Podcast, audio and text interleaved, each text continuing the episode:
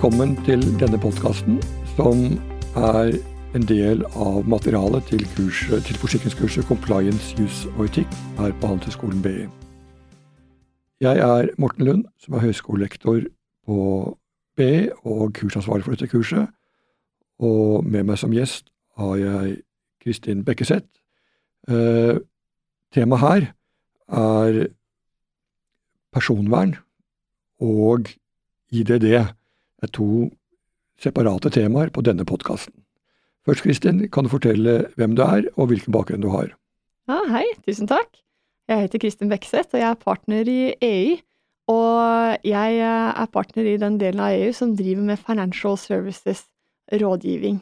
Eh, en av de tingene jeg bruker veldig mye tid på for øyeblikket, det er regelverksetterlevelse. Og da personvern med GDPR, regelverket som har kommet inn. Det har vi brukt veldig mye tid på. Og IDD, forsikringsformidlingsdirektivet, er også noe vi bruker mye tid på om dagen. Og Begge disse to isolerte spørsmålene er jo en del av det store temaet compliance, er det ikke slik å forstå? Jo, det er det. Da kan du begynne med da først med å fortelle litt om, om det nye regelverket for personvern, og hvilken betydning dette har i sin alminnelighet for næringslivet og for forsikringsnæringen spesielt. Ja, jeg syns eh, det er fint å begynne litt med konteksten. Hvorfor er vi så opptatt av personvern eh, nå om dagen?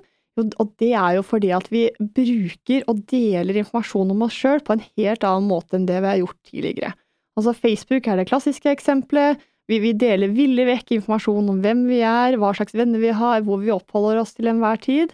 Eh, vi deler informasjon med andre som, som tilbyr oss tjenester på, på daglig eh, basis. Vi deler bildene våre på Google. Vi eh, eh, forteller om hvor vi er til enhver tid.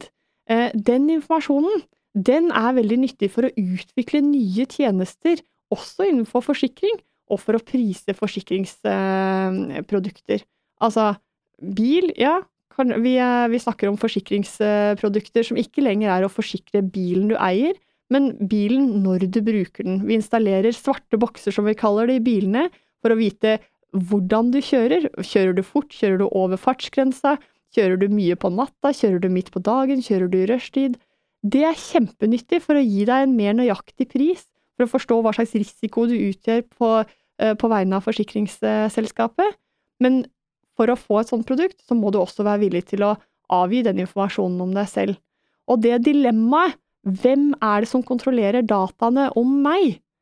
Det er det dette eh, personverndirektivet prøver å håndtere. Og hensikten med regelverket, det er egentlig å ta kontrollen fra selskapene tilbake til individene. Det er jeg som eier informasjonen om meg selv, og det er jeg som skal bestemme hvem som skal få lov til å få tilgang til den informasjonen, og hva de skal bruke informasjonen til. Men det er en veldig stor skift, for fram til nå så har vi vært litt sånn lemfeldig uh, når det gjelder uh, informasjon. Og mange selskaper har henta inn mye mer informasjon enn det de kanskje burde ha, ha, gjort. Og den brukes til helt andre formål enn det forbrukerne egentlig har vært bevisst på. Uh, dette regelverket er, del, er, basert på en uh, EU-regelverk, er det ikke slik, som jo. igjen er implementert i norsk rett. Så nå er dette en del av norsk lovgivning, er det ikke slik? Ja, det er uh, riktig. Og sånn er det med alle EU-direktiv. Altså, de blir del av norsk lov gjennom uh, EØS. Ofte så, så, tar vi direktivet inn i norsk lov i sin helhet. Noen ganger så lager vi tilleggsregler som kanskje kommer på toppen av de direktivene som finnes. Når det gjelder GDPR og personvern, så, så har vi tatt direktivet inn i norsk rett. Du har nå nevnt noe om de generelle, si, de generelle argumentene for å få et nytt regelverk, men kan du si noe om mer om de viktige hovedreglene her? Du nevnte jo da generelt dette at måte, det skal være de enkelte personer som eier informasjon om seg selv. Men hvilken, hvilke utslag har dette i forhold til hva kan du kreve sletting? Kan du stille krav om at det skal rettes dersom det er feil? Eh, kan du stille krav om at de bare skal benyttes til det formålet det er innrettet for osv.? Hvordan er, hva er hovedreglene? Er det bare ikke detaljer om paragrafer osv.? Men hva er liksom Hvis det er en tre, fire, fem grunnleggende prinsipper du gjerne vil fremheve nå på denne podkasten? Ja. Hvor skal vi eh, begynne? Jeg tror For det første så kan du begynne med hva slags rettigheter jeg har som eh, forbruker.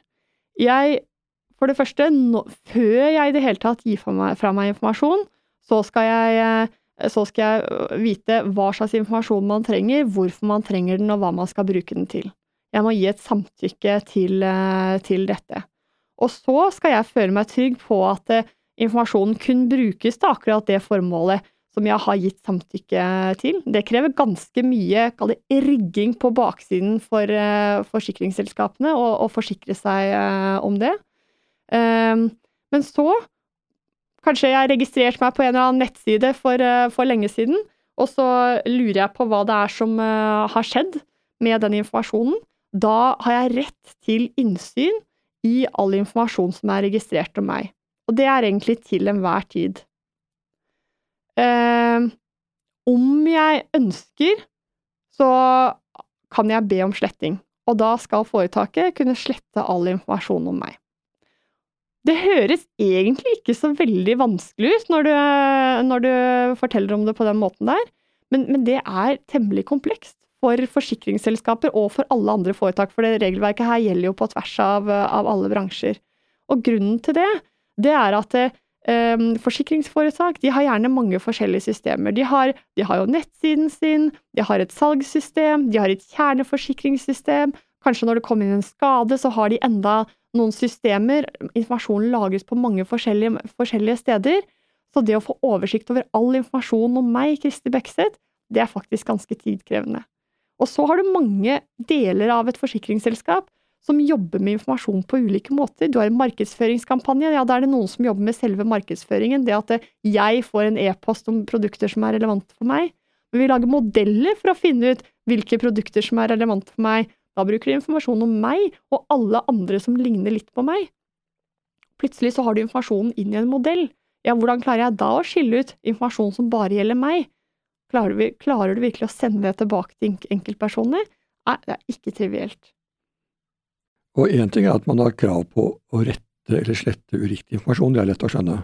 Men hvis det er riktig informasjon, som man i sin tid har gitt fra seg frivillig, men man tenker at dette liker jeg dårlig, bl.a. når det blir satt i en sammenheng som jeg kanskje ikke liker. Er det da også slik at du har mer eller mindre et ubetinget krav på å få dette slettet? Riktig informasjon som du i sin tid har gitt fra deg frivillig? Eller mm. er det litt avhengig av hva slags type informasjon da, kanskje? Altså, det, det, korte svaret er ja, du har rett på at det blir sletta, men så er det ikke så enkelt i praksis, fordi altså, det er enkelte eh, forhold som gjør at eh, selskapet kanskje er pliktig å oppbevare informasjonen likevel. Og det er en av de vurderingene som selskapene gjør akkurat nå. Det kan være for regnskapsformål, for eksempel. En du bruker forsikring, kanskje jeg har hatt et skadeoppgjørssak som ennå ikke er ferdig oppgjort, eller av andre grunner blir, bli liggende og, og være en mulig forpliktelse for et selskap. Det kan du ikke slette, selv om jeg ber om det i dag. Dette regelsettet er jo relativt nytt, da. Og det høres ut som det er en enorm belastning eh, i ressursbruk for selskapene å implementere, og faktisk gjennomføre dette her. Og er det slik at bruker man for tiden mye ressurser på å bygge opp systemer, eller er det ikke så arbeidskrevende man kunne frykte? Det er kanskje ikke så mange som benytter den retten de har til å kreve sletting, retting osv.? Nei, det er nok ikke så mange ennå som har benytta retten til sletting eller retting, men selskapene er pålagt å kunne gjøre det. Så det brukes, eh, og har vært brukt, veldig mye ressurser i alle selskaper i, eh, i næringslivet, og for øvrig organisasjonslivet også, til å klare å implementere GDPR. Og, og, og når de har eh, gjennomført Eh, GDPR-implementeringen, så, så må, du, må, du, kartlegge dataene. Alle data som kommer inn. Hvordan håndterer du det? Skal de i det hele tatt komme inn til selskapet eller ikke? Når de er i selskapet, hvordan skal de håndteres? Og om og når de skal slettes, hvordan skal det håndteres? Eh, det er en del policy, prosesser og rutiner rundt det her som man bruker tid på, og så er det det systemmessige. Når jeg fortalte deg litt om systemene i et forsikringsselskap i stad, så, eh, så, er det sånn at det er ikke alle de systemene som du bare kan skru på en krapp og si at du skal slette automatisk etter så og så lang tid, eller når disse, disse reglene kommer til anvendelse. Det er ganske krevende. Et siste område som brukes veldig mye energi på nå, det er jo sikkerhet.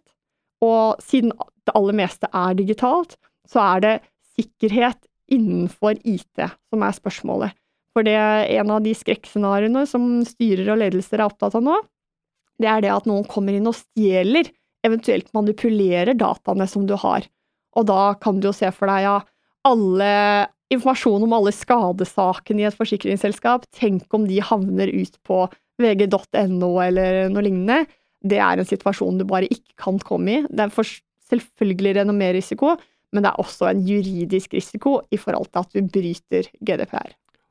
Man kan få ganske kraftige straffer i, i verste tilfeller hvor det er også sensitiv informasjon som har blitt enten ved en feil eller annen grunn er kommet ut til utenforstående. Ja, og det begynner vi å se eksempler eh, på, at det gis bøter.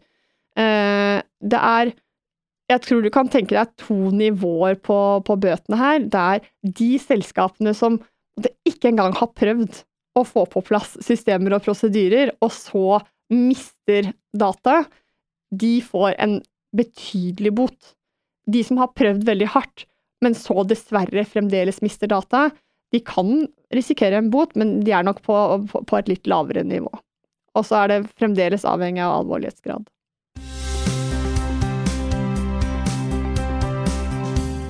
Ja, men Da takker jeg for denne innføringen i eh, de nye personvernreglene. Skal vi se på det andre undertemaet som vi skal behandle på den podkasten.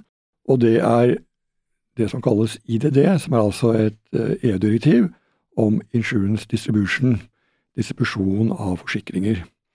Som er et direktiv som etter hvert skal implementeres i norsk rett, men den prosessen er ennå ikke gjennomført, men det er under arbeid. Kan du si noe om hva er IDD, ja. og hva slags type spørsmål er som er regulert der? Det kan jeg si noe om. Eh, forsikringsdistribusjon dette er, handler egentlig om forbrukervern. Det er eh, individer som kjøper forsikring. Det er bedrifter som kjøper forsikringer. Vi ønsker som samfunn øh, å sørge for at øh, de som kjøper forsikringer, vet hva de kjøper, forstår hva de kjøper, og kjøper forsikringer som de trenger. Og det er egentlig det forsikringsformidlingsdirektivet handler om. Vi har hatt regelverk som regulerer det her allerede, men uh, man oppfatter at det, det, har rett og slett vært en del skandaler rundt uh, dette, som gjør at man nå også hever uh, de, de, regulatoriske kravene. når det gjelder skandaler, så er det typisk det at man har solgt produkter til personer som ikke trengte produktene, Eventuelt at man har solgt produkter som ikke har vært egnet og gitt den dekningen man trodde man skulle få. Så sånn sett så er det å beskytte forbrukerne, og så samtidig så er det å beskytte næringen, fordi at eh, vi trenger en næring som vi kan stole på. Og om jeg da kan si litt mer om hva direktivet dekker som sådan, så dekker det for det første produkten, produktet. Det stiller noen mer tydelige krav til hvordan du skal beskrive produktene dine sånn at det faktisk er forståelig for en lekmann eller lekkvinne hva produktet dekker og hva det ikke dekker.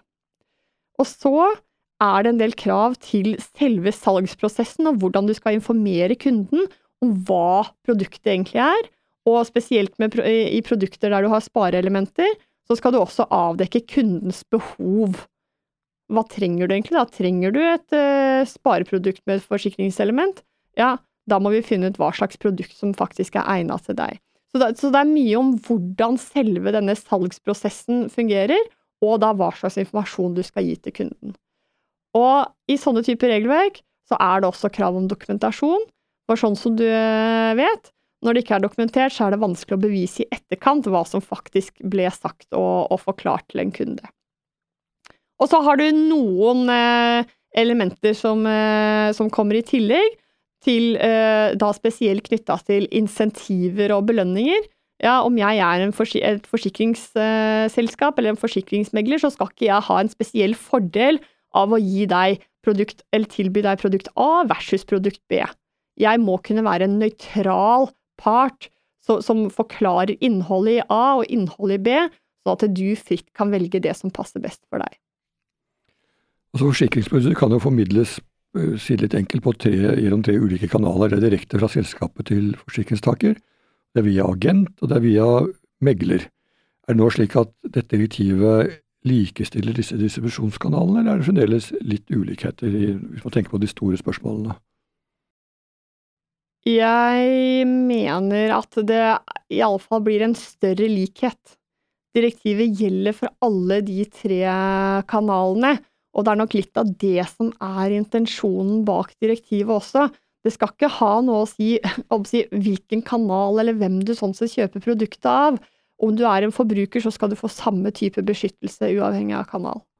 Og Det er nok noe som har vært litt viktig for meglerne, for de har nok tidligere følt at de har strengere krav på seg enn selskapet selv til å forklare godt uh, hva som er innholdet i produktet, og nå blir det en større grad av likestilling, og det er også bra for alle. Ja, det er det. Og så kan du si at uh, sånn forholdet mellom da, forsikringsselskap og megler, om vi tenker litt på det, så, så skifter du mer ansvar tilbake på forsikringsselskapet, fordi at det er forsikringsselskapet som må beskrive produktene. Og forsikringsselskapet må også forvise seg om at produktet blir solgt på en ordentlig måte, altså at informasjonen om produktet kommer fram til sluttbrukeren. Nå er det jo allerede i fjor vinter så sa jo eh, de relevante myndighetene, nemlig departementet og eh, Finanstilsynet, at disse reglene skulle bli implementert før sommeren. I hvert fall vedtatt. Eh, og det er fremdeles ikke skjedd. Men du, vet du noe mer om situasjonen, eller er det fremdeles uvisst når egentlig det blir vedtatt lover hvor man implementerer IDD i norsk lovgivning. Jeg har ikke noe mer informasjon per i dag om akkurat når det kommer inn i norsk lov. Um, dette er en ganske vanlig uh, situasjon for uh, finansbransjen generelt, og kanskje andre bransjer også. At man, man, tror man vet når regelverkene kommer inn, og så er det ikke helt sikkert at det blir akkurat den datoen likevel. Fordi at det er jo ganske mange eh, instanser som skal inn før eh, lovene faktisk blir eh, vedtatt. Men når det er sagt, så intensjonen i regelverket er veldig klar, elementene i regelverket er veldig klar, så eh, de aller fleste forsikringsforetak, meglere og, og agenter, de har allerede begynt å tilpasse seg regelverket. Det er vel ingen tvil om at de sentrale delene av regelverket vil bli implementert, det er bare et spørsmål om når. Ja, det er min oppfatning. Da takker jeg for denne seansen, og dette var en nyttig gjennomgang av to grunnpilarer i, i uh, compliance-regelverket. Ja.